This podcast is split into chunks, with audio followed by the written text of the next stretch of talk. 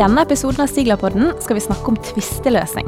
Vi skal rett og slett forsøke å skape en oversikt over hvordan man skal gå frem dersom man står overfor en rettslig tvist. Og med meg i dag så har jeg en av advokatfirmaet Stiglers mest erfarne prosedyreadvokater, Tor Øystein Enge. Velkommen, Tor Øystein. Takk for det, Camilla. Det er godt at også vi gamle kan gjøre noe nytte for oss. du, Når vi snakker om begrepet tvisteløsning, hva er det vi først og fremst tenker på da? Tvisteløsning det ligger vel i begrepet at det har eh, oppstått en tvist. Altså du har kommet opp i en eller annen eh, floke eller konflikt som du eh, ikke uten videre ser veien ut av. Og hva gjør man da, når man står i en sånn situasjon? Er det nødvendigvis slik at alle floker kommer inn til retten? Det kan jo bli kostbart. Nei, ja, det, det kan bli kostbart. Jeg kommer litt tilbake til det. Uh, men man, Det kommer litt an på hva slags posisjon du er i, men er du forbruker, så har du mange muligheter til å få hjelp eller få en avklaring på, på den konflikten du er i. Jeg kan jo nevne, trekke noen eksempler frem her. Eh, jeg kommer ikke med noen uttømmende eller fullstendig liste her, men eh, et av de organene som mange forbrukere har kommet i kontakt med, det er eh, Forbrukertilsynet. Det er et organ som, når de tar en klage under behandling, har kompetanse omtrent som domstolene. Og der er det også en meklingsordning eh, gjennom Forbrukertilsynet. Og så vidt jeg vet, så eh, har kontoret Det har i hvert fall fylke, kontoret i alle fylker, sikkert eh, og, og, i de store byene. Så der kan du henvende deg hvis den tvisten eller den floken du er i, er knyttet til at du har kjøpt en vare. Da er det typisk Forbrukertilsynet du, du henvender deg til. Eh, hvis du er i en konflikt eller floke eh, med utleieren din, eller utleieren eh, er i konflikt med sin leietaker, så har man noe som heter husleietvistutvalget. Og det gjelder da for forbrukere, ikke ja, sant? Det, ikke dette, dette gjelder kun for forbrukere. altså mm. Forbrukertvistutvalget har ikke kompetanse etter loven til å håndtere tvister som gjelder forretningslokaler. Men eh, også eh, husleietvistutvalget har kompetanse tilnærmet som domstolen. Altså de avsier en avgjørelse. Den kan som, som avgjørelse fra eh, Forbrukerklageutvalget, så kan også husleietvistutvalgets vedtak eh, ankes videre opp til domstolene. Men i utgangspunktet så avsier det en bindende avgjørelse. Så hvis den ikke blir brakt videre, så er den endelig for, for de det gjelder. Eh, I tillegg så eh, har eh, politikerne våre eh, opprettet mange forskjellige klagenemnder i stor utstrekning også da rettet mot forbrukere. Eh, klagenemndene de eh, treffer ikke nødvendigvis et vedtak. Eh, de kan gi en uttalelse, og noen av de treffer også vedtak, men vedtaket fra en klagenemnd vil ikke være bindende, sånn som Forbrukertvistutvalget eller Husleietvistutvalget. Så du får en, et vedtak som, som sånn sett avklarer eh, grunnlaget eh, for den saken du brakte inn der. Men den vil bare være rådgivende og ikke nødvendigvis bindende for, for um, den andre parten. Men selv om ikke de uttalelsene er bindende, så ser vi vel at eh, det at man har mulighet til å få en slik utdannelse, er faktisk ganske konfliktdempende. Ja, det er det. Og eh, i stor utstrekning så vil eh, den du har klaget inn, altså den profesjonelle aktøren du har klaget inn, eh, det kan være altså du har eh, boligtvistnemnda, det, det gjelder tvister hvor du er i en tvist med en utbygger eh, av, av, bolighus. Finansklagenemnda hvis, hvis, du mener du er utsatt for urett fra banken, eller du er misfornøyd med noe forsikringsselskapet har, har truffet eh, beslutning om. Det kan også være eh, mot eh, andre typer finanstjenester. Da har du Finansklagenemnda, du har Inkassoklagenemnda, du har eh, Transportklagenemnda. Den gjelder altså klage på typer offentlig transport med tog eller fly eller buss. I alle disse nemndene så sitter det eh, kompetente folk, eh, personer, som, som, avgjør saken, sånn at en uttalelse eller et vedtak fra disse nemndene eh, vil bli tillagt vekt eh, hvis dette vedtaket eller saken bringes videre inn for domstolene. Så, så det er absolutt av betydning. Kan jo også nevne, uh, når vi er inne på dette med nemnder uh, Pasientklager. Det, dette er lovregulert. altså Du har jo full klageadgang på Det kan være altså de som har ytt deg helsehjelp, enten det er lege eller sykehus eller hjemmetjenester eller andre form for helsetjenester, så, og du er misfornøyd og mener de har gjort en feil, så kan du klage på, på, eh, på det som er gjort. Og hvis du ikke får medhold i klagen din overfor den du har klaget til, så kan du uh, i mange tilfeller når det gjelder helseforhold, klage til Helsetilsynet. Og hvis du av en av disse, altså en lege eller et sykehus eh, eller helseinstitusjon, hvis du har blitt utsatt for noe du mener er feilbehandling, så kan du uh, klage, og, eller klage og kan også søke erstatning hvis, hvis, uh, hvis du mener det er påført, økonomisk, uh, påført økonomisk tap. Da kan du søke til Norsk pasientskadeerstatning om å få fastsatt et erstatningsbeløp. Og hvis du er misfornøyd med det vedtaket som treffes eh, eh, hos Pasientskadeerstatningen, så kan du klage det vedtaket videre til Pasientskadenemnda. Eh, og eh, her i Bergen så ligger eh, noe som heter Helseklage, et offentlig kontor, som er sekretariatet for Pasientskadenemnda, og som forbereder sakene. Altså Helseklage forbereder sakene for Pasientskadenemnda. og de har også advokater som fører saker for eh, sykehusene, bl.a. Og i, pasient, eh, altså i helseklage, det må jo nevnes når vi har anledning til det, så har vi dessverre, for å si det sånn, mistet mange dyktige, eller flere, ikke mange, men flere dyktige advokater som sitter der, og de er nå veldig fornøyd, men, men eh, det har vært et tap for oss, men det sier jo litt om kvaliteten på advokatfirmaet stiger da, når vi kan rekruttere til et sånt kontor. Litt reklame der, Tor Øystein. Ja, ja, litt reklame må vi tillate oss. Så det er jo da sånn at Hvis man som forbruker har en uh, problemstilling, så er, finnes det en del organ man kan uh, ta saken sin inn til, før man eventuelt tenker på å gå til domstolene. Det er, er, det, er, det, andre si, Man kan gå til et, et, slikt organ som du nevner, men er det andre typer for tvisteløsning man kan benytte seg av før man ser hen til domstolen? Ja, altså eh, som forbruker så kan du uh, gå til altså, Jeg nevnte Finansklagenemnda.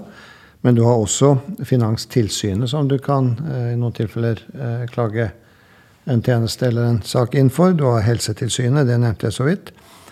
I mange tilfeller så kan statsforvalteren De har tilsynsansvar tillagt etter ulike lover. og Da kan du bringe saken inn der hvis det er noe du er misfornøyd med på arbeidsplassen, så kan du klage til eh, Arbeidstilsynet. Eh, og, og eh, Mattilsynet er også et tilsyn som forbrukere kan henvende seg til hvis de skulle mene seg utsatt for en urett eller har kommet i en konflikt med en tjenesteleverandør som er underlagt tilsyn fra de ulike offentlige tilsynsorganene. Og så må jo jeg skyte inn da at man også har noe som heter Konfliktrådet. Eh, der jeg jobber som mekler. Er, det er jo et eh, statlig tvisteløsningsorgan eh, som nettopp søker å håndtere tvister på et lavest mulig nivå, som er gratis å benytte seg av, og der man kan ta kontakt enten man har en strafferettslig situasjon man står oppe i, der politiet vil vurdere om saken egner seg for behandling i konfliktrådet, men man kan også få behandlet sine sivilrettslige saker der, da. Om det ja. skulle være nabokonflikter eller husleiekonflikter. Ja, et bredt spekter av problemstillinger som løses der. Ja, Du holdt en uh, interessant uh, innledning om konfliktrådet for ikke så lenge siden internt på kontoret. Og jeg lærte masse. Jeg var ikke klar over at man uh, Jeg trodde konfliktrådet bare håndterte straffesaker, altså hvor det var et straffbart forhold i bunnen. Så det, det, er helt åpenbart et organ som forbrukere bør, bør være klar over. Jeg går ut fra at det er sånn at man kan bringe saken inn der uten å bruke advokat. Ja, det er sånn at man kan i utgangspunktet ha med seg en advokat som bisitter i et slikt møte for å ivareta sine interesser, men utgangspunktet er at det er da de private partene selv som skal møte i konfliktrådet uten advokat, eh, og forsøke da å mekle seg frem til en løsning ved hjelp av meklerne i konfliktrådet. Ja, Og du er en av flere meklere her i Bergen? En av flere meklere i Bergen, og vi har meklere da over hele landet. Ja, ja veldig bra. Veldig bra. Hvis man ikke er forbruker, eh, da, nå har vi snakket litt om forbrukeres eh, vei til tvisteløsning før man kommer til domstolen. Men hvordan er det med næringsdrivende? Jo, de har også eh, anledning til å eh, søke hjelp fra eh, tilsyn eller organer. Uten nødvendigvis å måtte gå til domstolene hvis, det, hvis, de mener det er grunnlag for det. Eh, jeg kan jo kanskje begynne med det lokale, nemlig Konkurransetilsynet, som har en stor stab. altså Det er lokalisert i Bergen og har en stor stab. Masse eh, dyktige jurister og andre kompetente personer. De sitter eh, like bort ved jernbanen, i det hvite bygget, eh, nye bygget ved siden av jernbanen. Og det er et tilsyn som vel har som sin hovedoppgave, uten at jeg skal si for mye om det, men, men som har som sin hovedoppgave å kontrollere at markedsmekanismene innenfor altså handel i bred forstand, at det, at det fungerer. Både når det gjelder varer og tjenester. Eh, I tillegg så eh, har vi her i Bergen eh, noe som heter KOFA, eller forkortet KOFA, Klagenemnda for offentlige anskaffelser. De har sekretariatet sitt her i Bergen i, i samlokalisering med, med Konkurransetilsynet. Og jeg vet at vår gode kollega Harald Alfsen, som jo er ekspert akkurat innenfor det fagfeltet, han har vært og snakket i en sånn Stigle-pod om, om, KOFA, sånn at jeg skal ikke bie meg inn på hans hans domene, men, men det er, KOFA er et sted næringsdrivende kan henvende seg. Eh, hvis de mener at det offentlige eh, i forbindelse med, med kjøp av, varer eller tjenester ikke har forholdt seg til det strenge regelverket, strenge og meget detaljerte regelverket som gjelder for offentlige innkjøp. Så, så, det er eh, et organ som da ligger her i Bergen, som det er viktig å være klar over.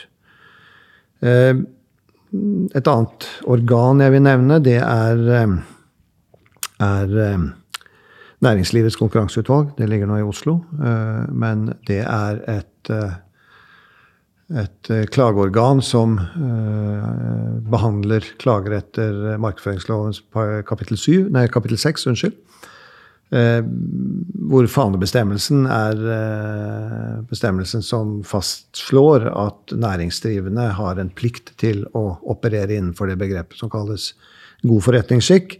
Sånn at hvis du mener som næringsdrivende at du har blitt utsatt eh, for et kontraktsforhold eller på annen måte av en konkurrent eller en, en, du har handlet med eller har en eller annen relasjon til, at vedkommende ikke har opptrådt overensstemmende med god forretningsskikk, så er det et organ du kan henvende deg til. Eh, og eh, fra eh, Næringslivets konkurranseutvalg, og selvsagt også fra KOFA, så vil du få gode, velbegrunnede vedtak. Og du betaler et, et lite gebyr for å få saken inn. Det er vel for, for, for NKU eller ja, jeg er ikke sikker på Det er i hvert fall ikke mye du betaler. Eh, det er et relativt spesielt på noen tusenlapper du betaler inn for å få klagen din behandlet. Men, men du får et godt vedtak. Eh, som sånn sett eh, fra, fra, NKU bare vil være rådgivende. Men det vil også bli tillagt vekt hvis, hvis det samme forholdet senere bringes inn for domstolen. Til tross for at vi har eh, en hel rekke med slike tilsyn um, man kan søke bistand ved, så ser vi jo at restanselistene i domstolene er ganske lange. Det tar lang tid før man kommer til med en, en sak der. Og det, det, forteller oss jo at uh, alle ikke får hjelp ved disse ulike tilsynene. Nei, jeg skal ikke uttale meg om bakgrunnen for, eh, for at eh, restansene til dels er lange. Nå er det jo i tvisteloven, som er saksbehandlingsloven for domstolene, satt frister Eh, for saksbehandlingen, men, men, vi ser jo, både du og jeg, hver dag at, eh, at domstolen ikke klarer å overholde det. Så jeg, jeg må jo si litt om, om, eh, om domstolene, naturligvis. Det er vel det folk uh, først og fremst tenker på når vi snakker om tvisteløsning, og det er jo det tradisjonelle eller de tradisjonelle tvisteløsende organene vi har uh, og hatt i Norge i, i uminnelige tider. Så det kunne sikkert fylt både én og to stiglepodder å snakke om domstolene. Men hvis jeg bare skal ta det veldig kort, så har man det som vi omtaler som de alminnelige domstolene. Det er først og fremst tingrettene. Eh, nå har vi nettopp fått en sammenslått uh, domstol her i, i, i Bergen. Som ikke lenger heter Bergen tingrett, men heter Hordaland tingrett, og har tatt inn under seg flere av de andre tingrettene i, i fylket. Og over tingrettene så står lagmannsrettene. Og aller øverst så har vi Høyesterett, som er domstolen som dømmer i siste instans i Norge. Det Høyesterett sier, vil i utgangspunktet være endelig og uten overprøving.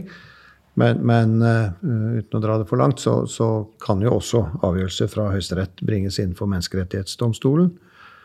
Og vi har jo sett at Norge der har fått en del saker mot seg innenfor barnevern. Særlig det er vel uh, det, er ikke, det er, ikke, uten videre enkelt å, å, få en sak inn der, og det vil også være begrenset til saker hvor man mener seg utsatt for et menneskerettighetsbrudd fra det offentlige, sånn at saker mellom private eller næringsdrivende, de, de avsluttes uh, ved, ved, en dom i Høyesterett. Da, da er saken ferdig. Så innenfor disse alminnelige domstolene, som vi kaller de, hvordan går man frem hvis man har en tvist? Eh, hvis man kommer opp i en tvist eller en floke, eh, var jo det også innledet med, eh, og hvis man ikke eh, kommer videre på egen hånd, enten man er forbruker eller, eller næringsdrivende, så vil jo min alminnelige anbefaling være å kontakte en advokat. Må man ha advokat for å ta en sak til domstolen? Nei. Eh, domstolen har en plikt eh, til å bistå deg eh, til å sette opp det som er av nødvendige dokumenter. Men får du en advokat på andre siden, så, så eh, vil nok min generelle anbefaling være at du ikke skal opptre der alene. Uten at det skal legge for mye i det. men men, men uh, du bør ha profesjonell bistand uh, hvis du skal bringe en sak inn for domstolene. Uh, men bare før vi, altså Nå snakker vi om de, de alminnelige domstoler. Vi har også flere særdomstoler som en del har vært i kontakt med, kanskje. vi har du nevner her to. Det er Trygderetten, hvor du kan bringe inn saker. Og der behøver du ikke advokat. altså der kan du bringe en sak hvis du mener at Nav har, har truffet et vedtak det ikke er grunnlag for. Eh, og så har du eh, arbeidsretten, eh, som, som, er eh, en særdomstol eh, hvor du, eh, de behandler både saker som, som, gjelder kollektiv arbeidsrett, altså mellom organisasjoner, men, men innenfor arbeidslivet, men, men, de tar også opp enkeltsaker. og der mm, vil nok min anbefaling være at du lar deg bistå en advokat. Sånn at er du i floken, så henvend deg til en advokat.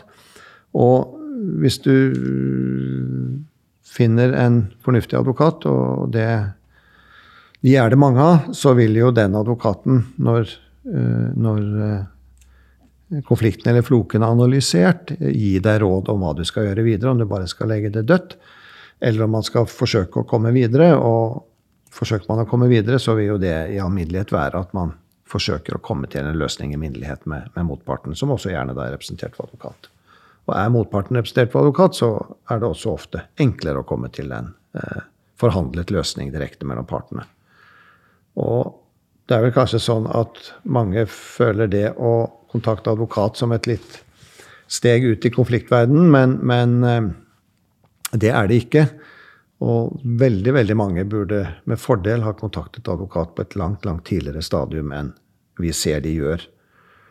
Uh, og, og um, vi, vi, det hender at du ikke sjelden at du må løpe Oppgaven din som advokat er i første rekke å, å løpe med brannslukningsapparatet for å prøve å dempe gemyttene for, mm. i håp om å, å få rodd i land en eller annen fornuftig løsning av, av den konflikten som du da selv har vært med på før advokaten blir koblet inn og har brakt opp til de store høyder. Og det er ikke så kjekt. Før du går nærmere inn på stegene eh, man må gjennom for å ta en sak til domstolen, kan du si noe helt kort om forliksrådet? For ja. det er jo et, eh, et, råd som mange har et eh, Ja da, forliksrådene de eh, finner vi i alle kommuner i Norge. Jeg forstår det er en ganske særnorsk ordning. De har nettopp hatt et jeg tror det var 100-årsjubileum for ikke så lenge siden. Eh, og det er eh, et domstolslignende organ. De har også domstols, altså domskompetanse innenfor visse grenser. Det består av ikke-jurister, tre forliksrådsmedlemmer, ofte rekruttert fra Så de utnevnes av, kommunestyrene, sånn at de ofte i større eller mindre grad vært aktive eller innenfor politikken. Det skal være habile, oppegående mennesker og i utgangspunktet er det sånn at alle saker, hvis de skal inn for de alminnelige domstolene, først må innom forliksrådet. Nå er det mange unntak, sånn at når det er advokater på begge sider, så, så begynner ofte ikke saken der. Men, men eh, som utgangspunkt så er det, er det, det første organet tvisten kommer inn for. Og da ligger det i begrepet forliksråd at deres oppgave er først og fremst å prøve å mekle partene til enighet. Også i tilfeller hvor begge parter er med advokat, så møter man i forliksrådet. og Det er gjerne ikke de største sakene man, man har med seg advokat uh, i der. Men uh, jeg kjenner ikke statistikken, men veldig mange saker, i hvert fall etter min erfaring, ender med et forlik i forliksrådet. Og da har de fylt sin oppgave. Men oppnås det ikke et forlik eller noen løsning i forliksrådet, så vil den parten som mener man har noe å kreve av en eller flere andre, eh, være henvist til å bringe den inn for tingretten. Men Forhandles det eller mekles det også i tingretten? Ja. Eh, det gjør det, og det gjøres det i veldig stor utstrekning. Eh, altså en, en sak som skal inn for tingretten, da skriver advokaten en stevning, altså en saksfremstilling, hvor man viser til de bevisene man har, og, og redegjør for for sitt syn på saken, og, og knytter dette opp mot rettsregler som man påberoper seg, og så avslutter man den stevningen, som det er et skriv eh, med en påstand, det man krever dom for, som man håper at dommeren skal gi dom for. Så sendes det til motparten, som får en frist på å uttale seg, og så sender motparten inn et tilsvar. Og motparten gjør på samme måte gjør rede for sitt syn på saken, kommer med sine bevis, og nedlegger sin påstand, som da i de fleste tilfeller går på frifinnelse.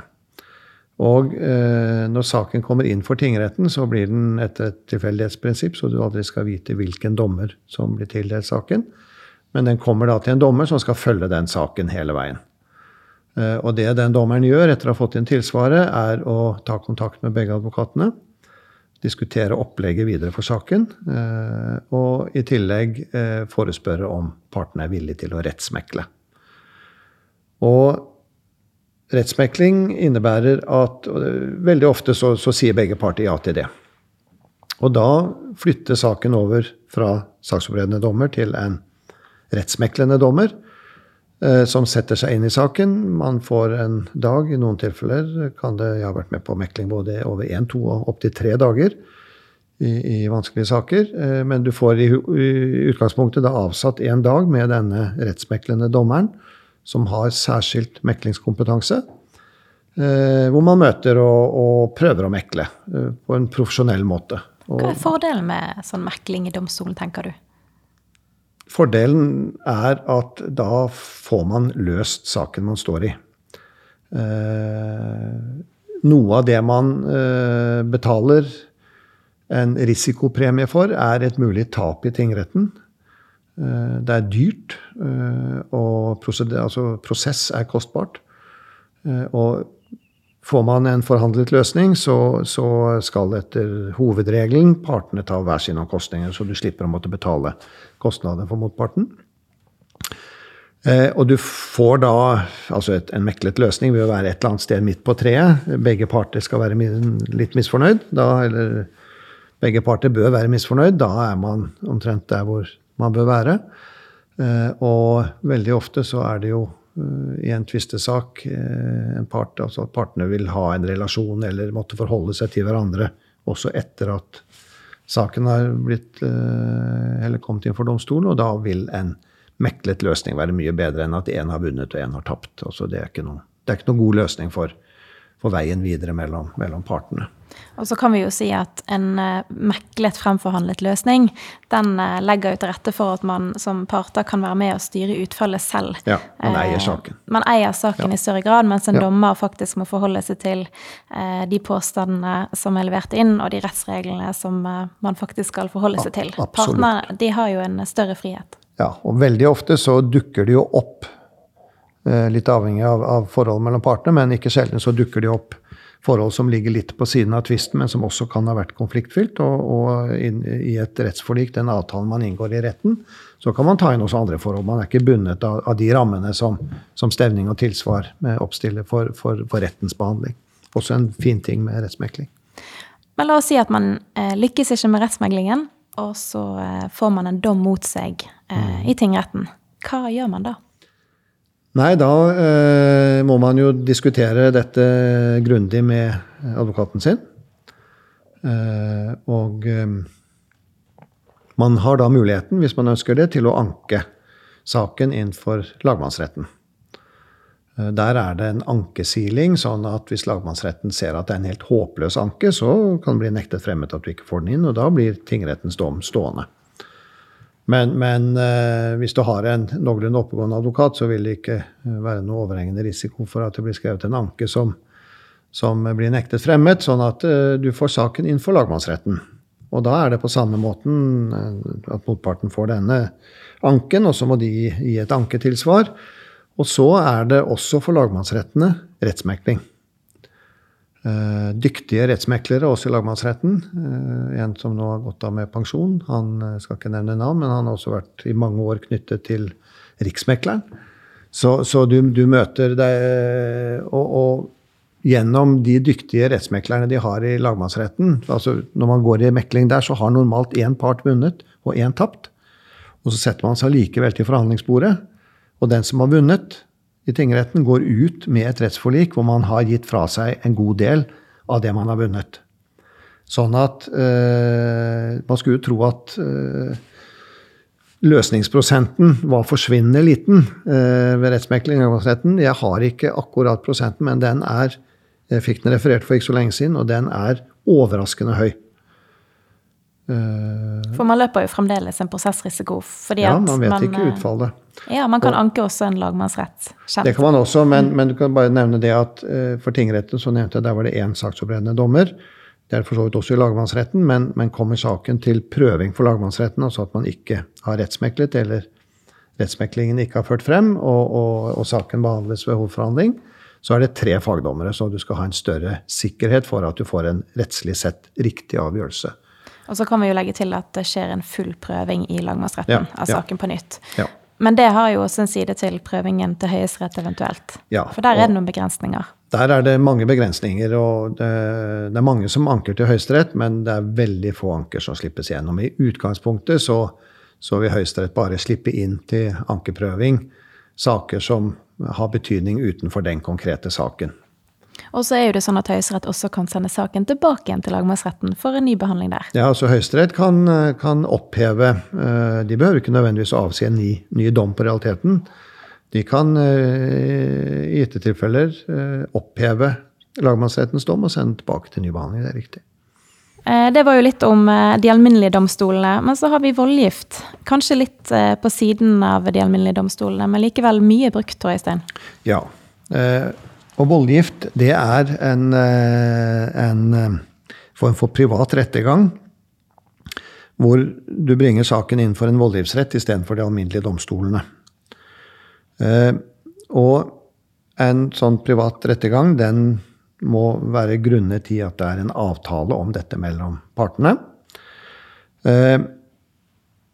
Veldig ofte så ligger det en såkalt voldgiftsklausul i en eh, leveransekontrakt eller en byggekontrakt, eller hva slags type kontrakt det er. Altså, nå er vi inne på eh, næringslivets eh, domstol. Eh, forbrukere eh, er ikke involvert i voldgift. Mm. For det du sier er at det er ganske vanlig å avtale seg til i næringslivets kontrakter at ja. man vil bruke voldgift som tvisteløsningsorgan dersom man skulle komme opp i en tvist. Ja. Eller floke. Og, og veldig ofte, så, eller ikke veldig ofte, men titt ofte i hvert fall, så er det min oppfatning at eh, en del klienter har sovet seg inn i en voldgiftsklausul. De, de syns det er eh, tøft. Skrive en kontrakt hvor det avtales voldgift uten at de egentlig vet hva det innebærer. Eh, normalt så vil en voldgiftsrett være sammensatt av tre eh, voldgiftsdommere. Litt avhengig av sakstypen, litt avhengig av, av hva slags eh, voldgiftsklausul som er avtalt. Men eh, ja, normalt så vil man da sørge for å få sammensatt voldgiftsretten av tre av de mest kompetente tenkelige dommerne innenfor det fagfeltet som, som eh, reguleres av voldgiftsklausulen. Eh, og eh, ofte er det sånn at da partene oppnevner hver sin dommer, og så utpeker disse to dommerne i fellesskap voldgiftsrettens leder. Og så foregår saksopprettelsen for voldgiftsretten på samme måte som for det alminnelige domstoler, med stevning og tilsvar osv. Men her eier partene sånn, på en måte eh, dommerne. Sånn at man kan eh, sette korte frister. Man kan sette, si at man får ikke lov å sende i mer enn ett skriv hver. altså Helt avhengig av type tvist.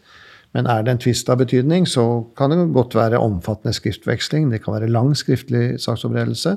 Og det kan være en, en uh, voldgiftssak som behandles over mange dager. Og den kan koste atskillige millioner kroner uh, for partene. Så akkurat kostnadselementet ved voldgift er når jeg spør klienter ja, men jøss, hvorfor i alle dager har du alltid hatt voldgift på dette her? Denne saken burde vært for alminnelig domstol. Nei, jeg tenkte ikke på det. Og så uh, må du rett og slett prøve å forhandle en løsning, for du ser at en voldgiftssak kan bli en, så, en, så, en sånn økonomisk byrde for klienten at, at tvisten ikke er tjent med det. Eh, sånn at eh, man, man, skal alltid være litt nøye eh, og tenke seg godt om eh, hvorvidt eh, kontrakten, det kontraktsforholdet man, man etablerer, eh, skal ha en voldgiftsklausul eller ei. Men fordelen er jo bl.a. dette at man eier saken. Man kan eie tidsmomentet. Pluss ikke minst at uh, saken ikke er offentlig. I mange tilfeller så ønsker ikke næringsdrivende seg imellom at, uh, at uh, verken selve prosessen eller resultatet blir bekjentgjort. Og det er ingen tilhører. Altså alt foregår helt privat. Ja, en voldgiftsak, så går saken for lukkede dører. Ja. ja. ja. Men, men, men altså, partene kan avtale, man eier det òg. Så det er ikke noe til hinder for at man kan avtale full offentlighet. Men, men ofte så vil man være, ha et ønske om at dette skal skje raskt og eh, hva skal vi si, uten, uten uh, omgivelsenes uh, innsyn. Nå favner vi jo bredt her når det gjelder tvisteløsning. Tor Øystein. Vi snakker både om tvisteløsning for forbrukere og for næringslivet. Eh, hvis du skal oppsummere, står man i en floke som vi, vi har snakket om i dag. Eh, hva er din eh, anbefaling?